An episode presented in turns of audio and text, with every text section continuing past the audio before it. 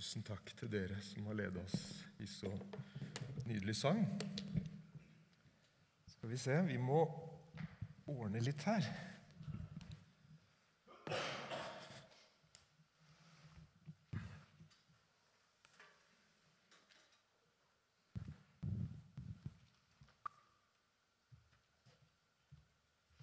Ja, hvem som sa det? Det blir fint vær i ettermiddag. Det, det er jo perfekt at vi kan være her nå, så kan vi gå ut i sola etterpå.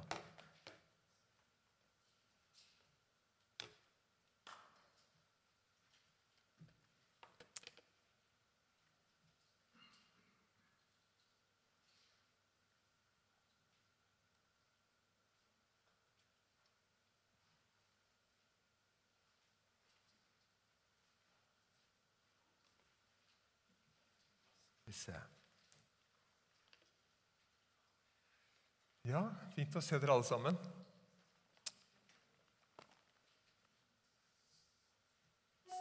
Jeg, eh, jeg har forberedt meg til i dag, og det bør man jo gjøre. Og eh, jeg håper at du eh, får noe ut av det jeg sier. Vi skal fortsette på det som vi begynte på for tre søndager siden. Dette med fokus på disippelskap. Og det er jo et sentralt tema i Bibelen. Vi er disipler, og vi er også bedt om å gjøre disipler. Og Da blir det store spørsmålet hva er det som former et menneske til å bli en disippel? Hvordan kan du og jeg, som kanskje har vært kristne lenge, hvordan kan vi formes til å bli mer lik Jesus? Er du klar for det? Ja. Man bør jo være opplagt tidlig på morgenen, da. Eller tidlig og tidlig. Klokka er jo elleve. Men det er bra at dere er klar for det. Og da har vi brukt denne disippeltrekanten. Den syns jeg er veldig fin. og sånn, Vi husker jo lettere bilder, så da kan du liksom prøve å feste den på, på, inn i systemet ditt. Så kanskje du husker sånn hovedtrekka i det som vi snakker om. Um, og vi tror at en sånn sunn Jesus-etterfølgelse Det er liksom noe med det med at det må være sunt. Det må være balansert. Det er jo sånn kroppen fungerer. Den jobber hele tida for å opprettholde gode balanser. Og Sånn er det også i kristenlivet. Og For å liksom kunne leve et sunt disippelliv, så tror vi at uh, disse tre tinga er viktige. At det formes langs disse tre. Og Det første, for å ta en kort repetisjon, det er i bunnen så står det evangelium. Det er det objektive. Det er på en måte selve fundamentet for vår tro. Og Hvis ikke vi har den der, så hjelper ikke med de andre. Så Den har vi snakka om tidligere, så vi bare nevner det helt kort nå. Evangeliet må være på plass. Det er grunnplanken. Og så har vi de kristne praksiser. Det snakka jo eh, Henrik så flott om eh, for 14 dager siden. Dette at vi formes, også vår tro og vår etterfølgelse formes av det vi gjør. Det vi gjør uke etter uke, år etter år. Det former et menneske. Og du kan bare legge merke til det. for det gjør det. Skal du bli sprek, så kan du gjerne lese mye litteratur om hvordan du blir det, men du må begynne å løpe. Ikke sant? Det vil forme deg. Bygge deg. Også den siste som vi skal snakke om i dag, det er at vi er kalt til Eller ikke kalt til vi, Dette med erfaringer. Gud har kalt oss til å følge Han, ikke som en blind lydighet. Ikke sant? Det er ikke bare noen setninger vi har fått overtatt, noen gode ideer. Men vi er kalt til å leve i et forhold med en levende Gud. Og når vi er kalt til å leve i et forhold med en levende Gud, da er det jo ikke underlig om det hadde blitt noen erfaringer. Er det ikke så? Det er levende, dette vi holder på med. Ja. Så det skal vi prøve å snakke litt om i dag, da. Og eh, det som jeg har forberedt meg på det, eh, Jeg, har jo, jeg snakka noe om det med å ha eh, en levende tro her for noen ganger siden. Så, så, så det ligger jo liksom litt i systemet, og, og, og, vi har jo vært innom det. Vi har jo snakka om dette med Den hellige ånd flere ganger i høst. Og jeg kjenner at det, det ligger litt i den samme gata her. For det er Den hellige ånd som tar oss med inn i selve virkeligheten, for å si det sånn.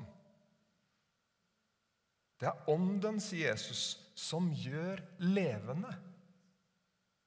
Jeg syns det er så flott sagt. Og det er helt sentralt i det å leve som en etterfølger av Jesus. Bibelen oppfordrer oss aldri til å søke opplevelser.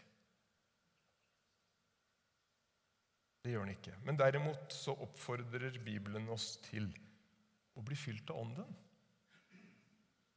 Efeserne 5,18. Jeg tenkte å ha det som et sånt eh, innledningsvers. ja da. Drikk dere ikke fulle på vin. Det fører til utskeielser. Bli heller fylt av Ånden. Og til det så sier pinsevennene amen. Selvfølgelig. Selv om vi aldri kan bygge vår tro på erfaringer, så er jeg helt sikker på at erfaringene påvirker vår tro. At de, de gjør noe med vår etterfølgelse av Jesus. Du, du ser det i evangelien også. Når folk opplevde Jesus, så ville de bli med ham. Ikke sant? Sånn er det fortsatt. Eh, når jeg snakka om dette tidligere, så, så refererte jeg til en samtale som jeg hadde med en person som hadde en bakgrunn fra en lignende menighet som det her. Han sier til meg at vet du hva, sier han, jeg, jeg har aldri opplevd noe jeg, i troen som, som, på en måte bekrefter at dette er sant. Så jeg vet ikke lenger om jeg, om jeg kan si at jeg tror. Og det er litt trist, da. Det er sikkert flere grunner til at man kan havne der. Men det sa han. Og så, fortalte jeg også kort Jeg bare ville ta det opp igjen uh, i dag. at um, Jeg husker faren min. Uh, han fortalte meg flere ganger om at uh, han opplevde å bli åndsdøpt i evangeliet. Stille og rolig kar. Og Han fortel, fortalte hvor mye det betydde for ham. Og så fortalte han også at han hadde slitt med å slutte med røyken. Det var jo Du kommer vel ikke til himmelen før hvis du røyka, tror jeg. Så det var, det, var, det var, tøffe saker. Han sleit med det. Så fortalte han på veien hjem, når han hadde opplevd det, så gikk han over elva her borte. Og så kasta han tobakkspakka i elva. Og så forteller han at da var jeg løst. Etter det hadde jeg ikke noe sug til noen ting. Og det er, det er mange som klarer å slutte å røyke uten det her. Men det som er poenget mitt, det er at det, det gjør noe med vår etterfølgelse å erfare at Gud er virkelig. Det er poenget. Og jeg er helt sikker på at det gjorde noe med hans etterfølgelse av Jesus. Våre møter med Gud gir liv til vår tro.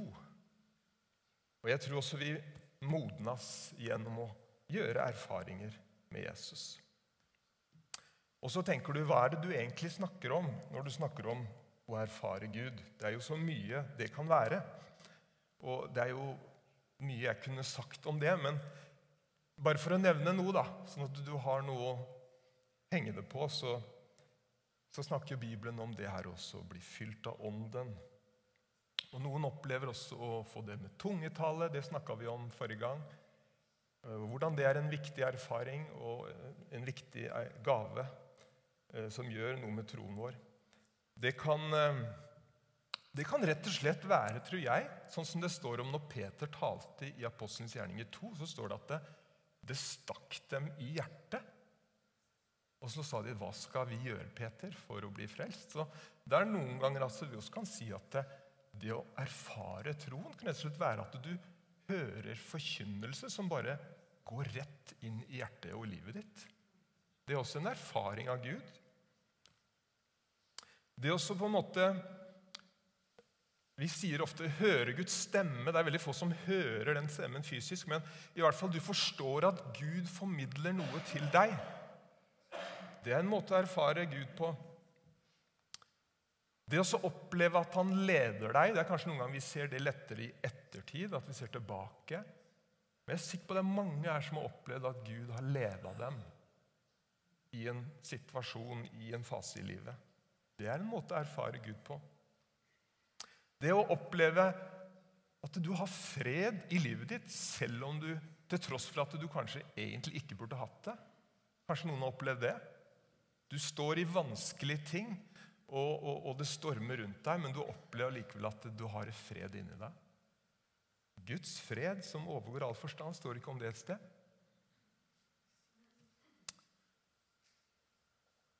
Og så er det faktisk noen som erfarer Guds storhet bare ute i naturen.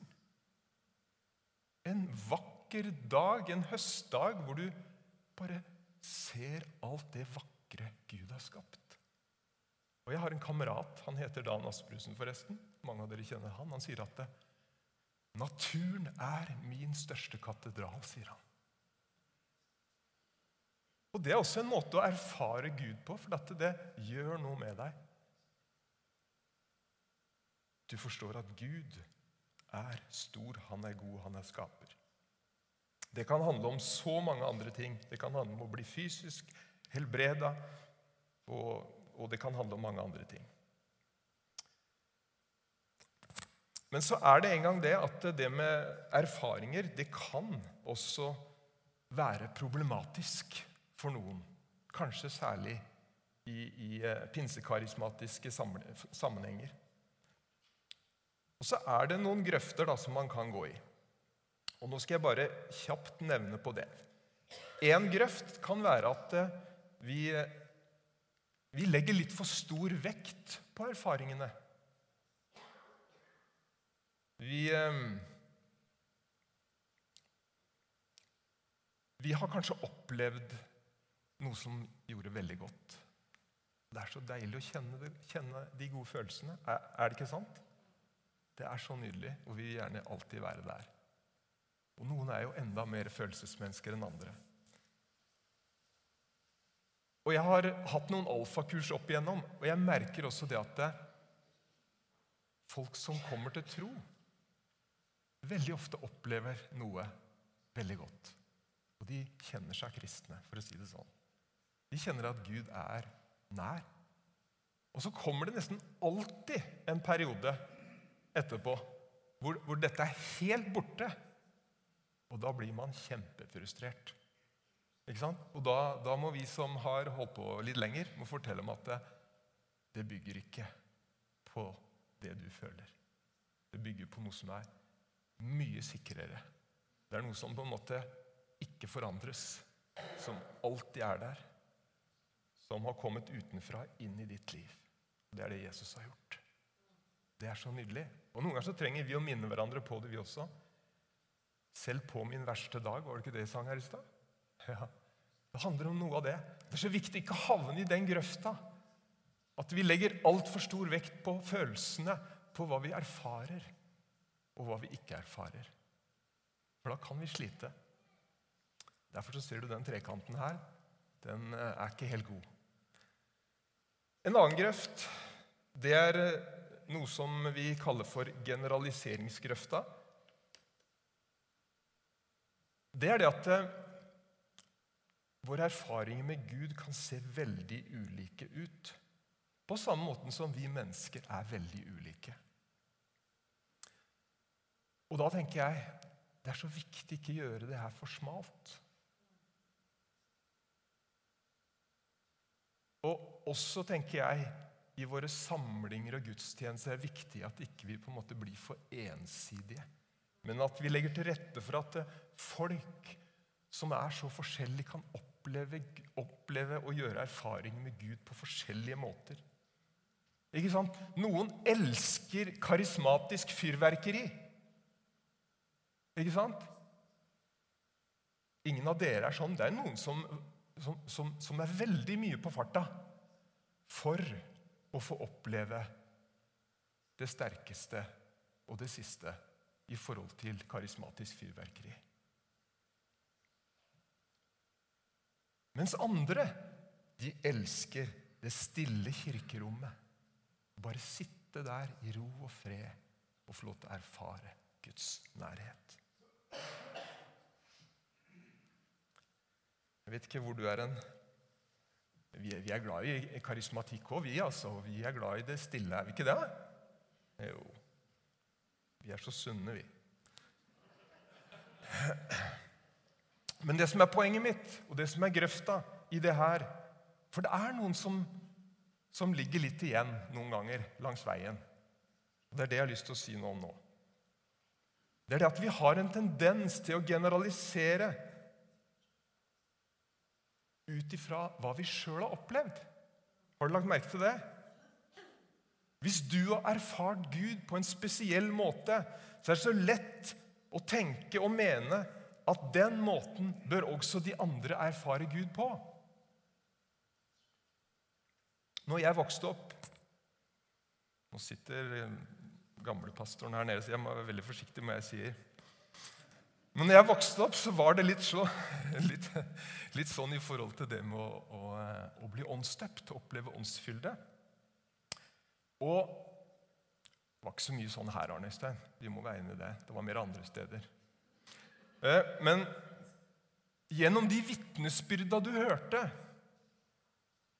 så ble det på en måte danna et bilde i meg av hvordan dette skulle foregå.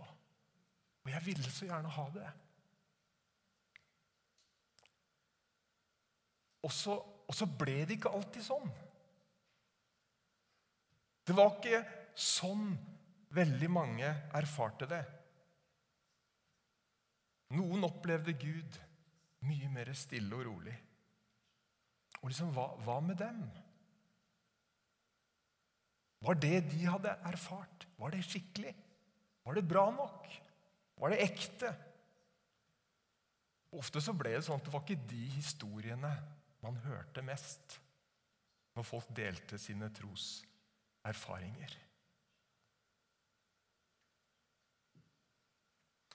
Og bare for å si det at eh, jeg tror faren ved det her, med å gjøre det for smalt, det at vi, vi presenterer et for, et for snevert bilde av hvordan Gud kan møte oss. For sannheten er jo at Gud han møter oss på så mange ulike måter. Og Vi ser det så tydelig også hvis vi er nøye når vi leser Bibelen. Moses møtte Gud i en brennende tornebusk. Var det ikke Elia som møtte Gud i stillheten? Peter møtte Gud i en storm. Paulus han hørte Guds stemme på veien til Damaskus. Maria hun fikk sitte stille ned ved Jesu føtter og lytte til Jesu ord. Det var også en erfaring. Nikodemus, som jeg snakka om tidligere, han erfarte Jesus gjennom en lengre prosess. Kanskje det var tre år. Så finnes det så mange andre utgaver av det her.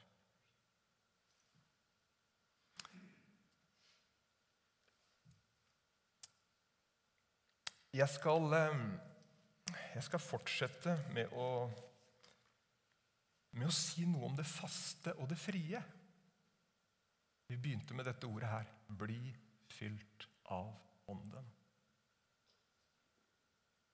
Jeg tror det går an å bli fylt av Ånden her i formiddag. Absolutt, altså. Kanskje til og med nå bare du sitter der du sitter. Men jeg har lyst til å si noe om det faste og det frie. og og det, det, det, kjenner jeg. Det har liksom satt seg litt i meg, så jeg må, jeg må, få levert det. Men jeg vet ikke om jeg får levert alt i dag. Jeg får ta noe. Og Det handler litt om det i forhold til å erfare Gud, det å bli fylt av Ånden. Og Når jeg leser og har så, så, så, tror jeg det er riktig det jeg sier nå, at det, det er på en måte to sånne litt klassiske strømninger som man ofte kanskje setter opp mot hverandre. Og det er nettopp det her. Det, som, det faste og det frie. Um, og Når jeg skal si noe om det, så har jeg lyst til å lese en, en uh, historie fra Bibelen. Det er en, en tekst som, uh, som, uh, som, vi som pinsevenner i hvert fall er veldig glad i. Kan hende mange andre er glad i den også. og det er noe viktig å lære der. Og Det er fra Sakarias, profeten Sakarias, kapittel 4.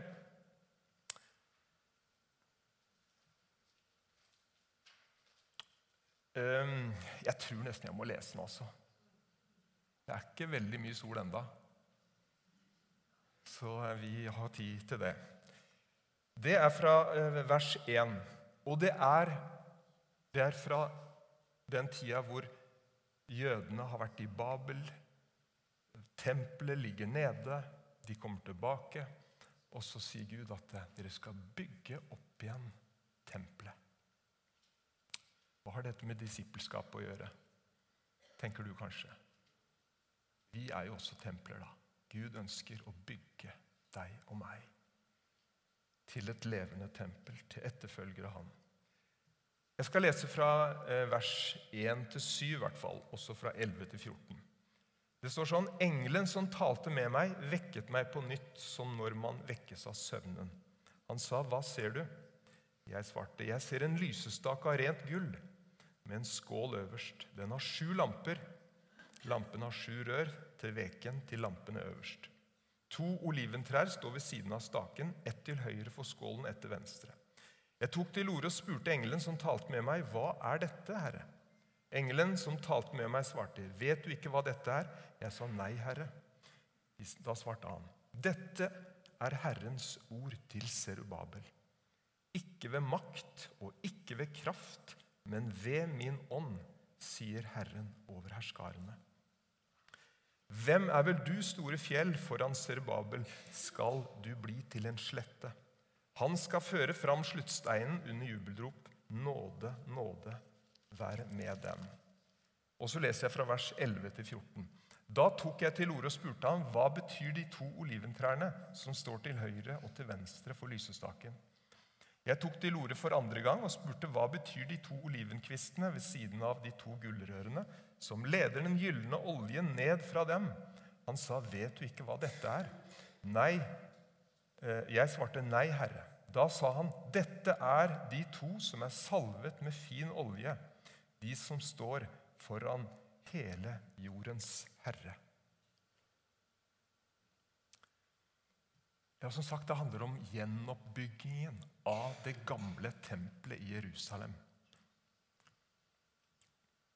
Men det handler også om disippelskap. Jeg kobler det til det som er temaet i dag. At Gud får bygge og forme disipler i dag. Deg og meg, alle som kommer til ham. Gud han er tydelig i den teksten på at dette kan ikke skje ved menneskelig makt eller kraft, men ved Den hellige ånd. Og så får de, eh, profeten se dette bildet, dette synet, av en lysestake, som er selvfølgelig bildet på menigheten. To oliventrær, to olivenkvister, og så får han se to gullrør. Og det er et poeng i teksten her. Det er to gullrør som skal lede den gylne oljen, som er Den hellige ånd. Og så spør eh, profeten hva er disse to oljekvistene. Da får han beskjed om at det er to Herrens tjenere som er salvet med olje, og som står foran hele jordens herre. Og Når vi leser sammenhengen her, så ser vi at det er ypperstepresten Josva, og så er det Serubabel, som var kalt det profet. Henger du med? Det blir litt avansert, det her, altså. Men det er veldig inspirerende. Det er to gullrør som skal lede denne olja, som skal være med og bygge Herrens tempel. Ikke sant? Det er poenget. Og det er verdt å legge merke til at det er to gullrør. Det er ikke bare ett gullrør. Og kort og forenkla så tenker jeg at dette står for det som jeg skal snakke litt om nå til slutt. Det står om det faste og det frie. Det er to sånne eh, rør hvor Den hellige ånd flyter igjennom. Og det er det faste og det frie. Og det er på en måte akkurat som presten her Josfa representerer det faste, og så er det profeten Serubabel som representerer det frie. Jeg, må, jeg kjenner jeg må, jeg må, være litt konsentrert nå, ikke, ikke bli for avansert og for omstendelig. Men presten, da. Det faste, hva er det for noe? Jeg tror det handler om at Gud har gitt noen hellige ordninger. Og det frie Vet du hva jeg tror det er? Jeg tror det er det, er det karismatiske, det er nådegavene. Det er det overraskende, det guddommelige innslaget som vi er så glad i. Ikke sant? Som vi har opplevd mange ganger.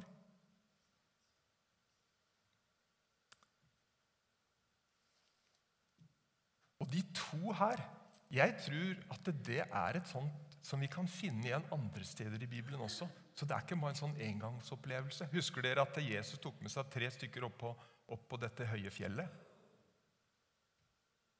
Og hva møtte han der oppe? Jo, dette handla jo om at de skulle få de skulle få oppleve Ikke sant? De skulle få en erfaring av Jesus. Og de fikk erfare at Jesus viste seg som aldri før i herlighet. Men der oppe så møter de på å si, de to samme røra. Det var Elias, og så var det Moses. Det var det faste, og så var det det frie.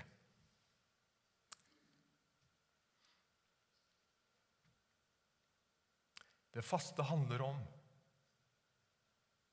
rytme og struktur. Det finnes noen hellige ordninger i Guds forsamling.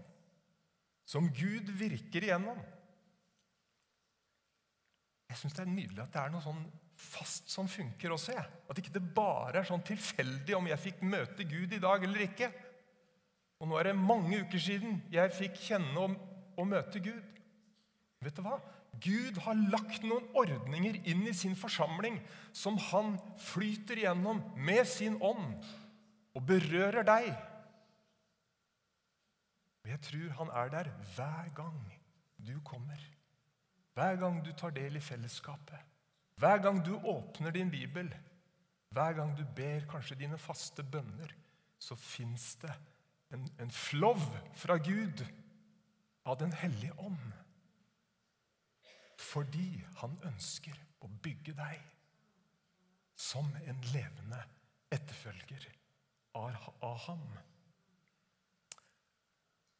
Og det er noe med det at eh, grunnen til at du står oppreist Reis deg opp.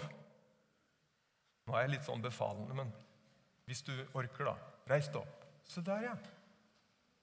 Det er fantastisk at du klarer å stå oppreist. Men vet du hva? Det er, ikke, det er ikke fordi at du har et hjerte som slår. Det er jo det òg. Vet du hvorfor du kan stå oppreist? Det er fordi du har et skjelett. Du har en struktur i kroppen din som bærer deg. Nå kan du sette deg ned. Nydelig å ha sånn posisjon at du kan liksom få folk til å gjøre absolutt hva du vil. Nesten, i hvert fall. Men det som er poenget mitt, det faste, det som har rytme og struktur Vi trenger det, og Gud trenger det i sin forsamling for å gi oss av sin nåde, av sin ånd. Noen som tror at skjelett er dødt. Vet du hva? Skjelett er et, en levende organisme. Ikke sant? Det som er sykepleiere, det bekrefter det. Det er en levende organisme. Det visste du sikkert. Men det er noe med det her også at vi må ikke tenke om de faste tingene at de er så døde. Vi kommer her, og så kommer vi opp, og så tar vi imot nattverden. Det er på en måte, ja, det er bare en sånn rituale, ikke sant? Noen tenker sånn. Det er jo bare en ritual, men det er jo fint, da. Ja, vi, vi, gjør det jo selvfølgelig. Vet du hva? Det er noe av det vi snakker om her. Det er en ordning som Gud har gitt inn i sin forsamling for at du skal få lov til å ta imot av Hans ånd og Hans nåde inn i ditt liv.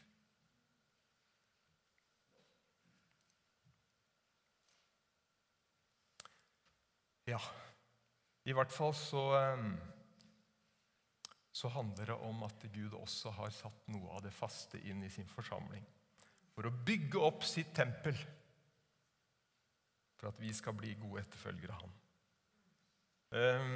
Bare et, et, eksempel til med det faste som ikke vi kanskje er så vant til i vår sammenheng. Det er dette med tidebønner. Og jeg må nesten dele noe, noe med det. Eh, og jeg ser det Når jeg leser Apostelens gjerninger, så ser jeg at det, det står at eh, Peter han gikk opp på taket for å be, og det var, tror jeg, ved den niende time. Klokka tre. Og så står det 'mens han ba'. ikke sant? Tidbønner. Det var det faste. De ba jo faste bønner. De ba ikke, Mest sannsynlig så ba de salmene. Det var faste ting. Det var det faste også. Mens han gjorde det, så står det at han fikk et syn det var det frie, det var det karismatiske. Gud åpenbarer seg på en spesiell måte. Og så vet vi at det, dette førte til at hedningen også fikk høre evangeliet. Og Du kan lese om F.eks. Eh, i Antiokia så står det i kapittel 13 i Apostelens gjerninger at de var samlet til gudstjeneste og faste.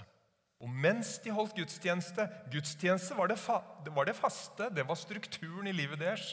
På første søndagen, eller på første dagen i uken på søndagen så samles de for å feire Jesu oppstandelse, det faste. Mens de holdt gudstjeneste og fastet, da kommer det frie. Sa Den hellige ånd, ta ut for meg Barnamas og Paulus til den tjeneste jeg har kalt dere til. Gud virker. Og, og Gud virker gjennom begge disse to tinga.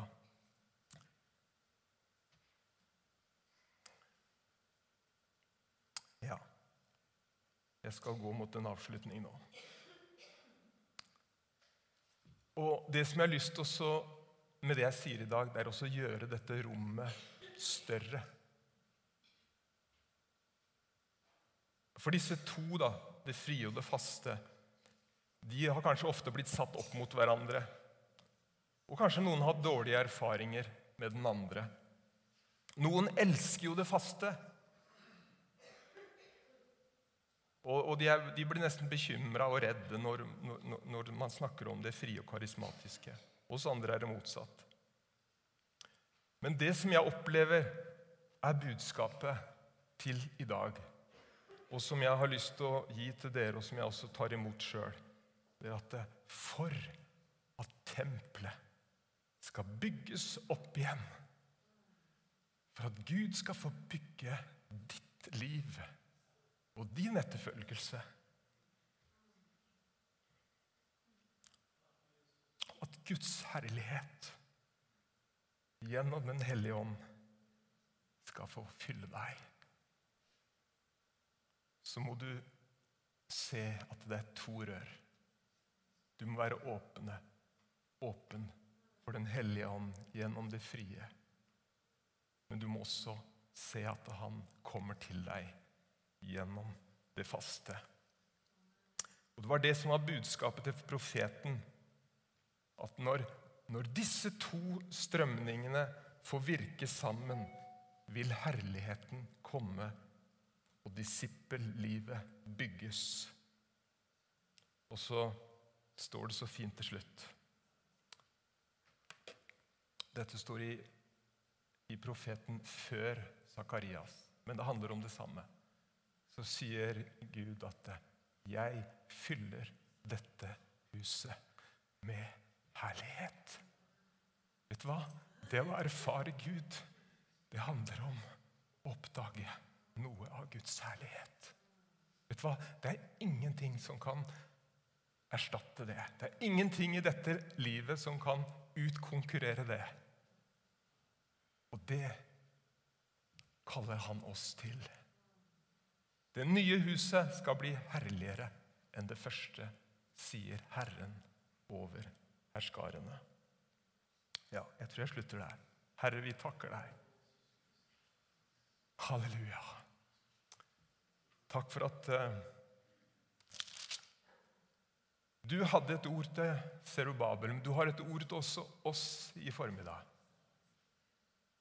Ikke ved makt og ikke ved kraft, men ved din ånd. Hvem er vel du, store fjell? Foran Serbabel skal du bli til en slette. Herre, du ser våre liv. Du ser hvilke fjell som vi kan kjempe med, Herre.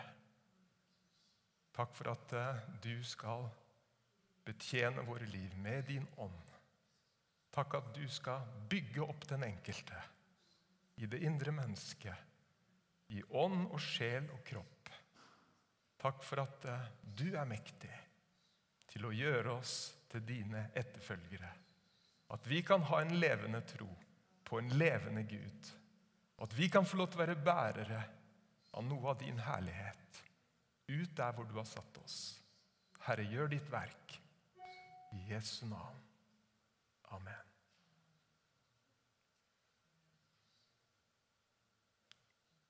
Amen.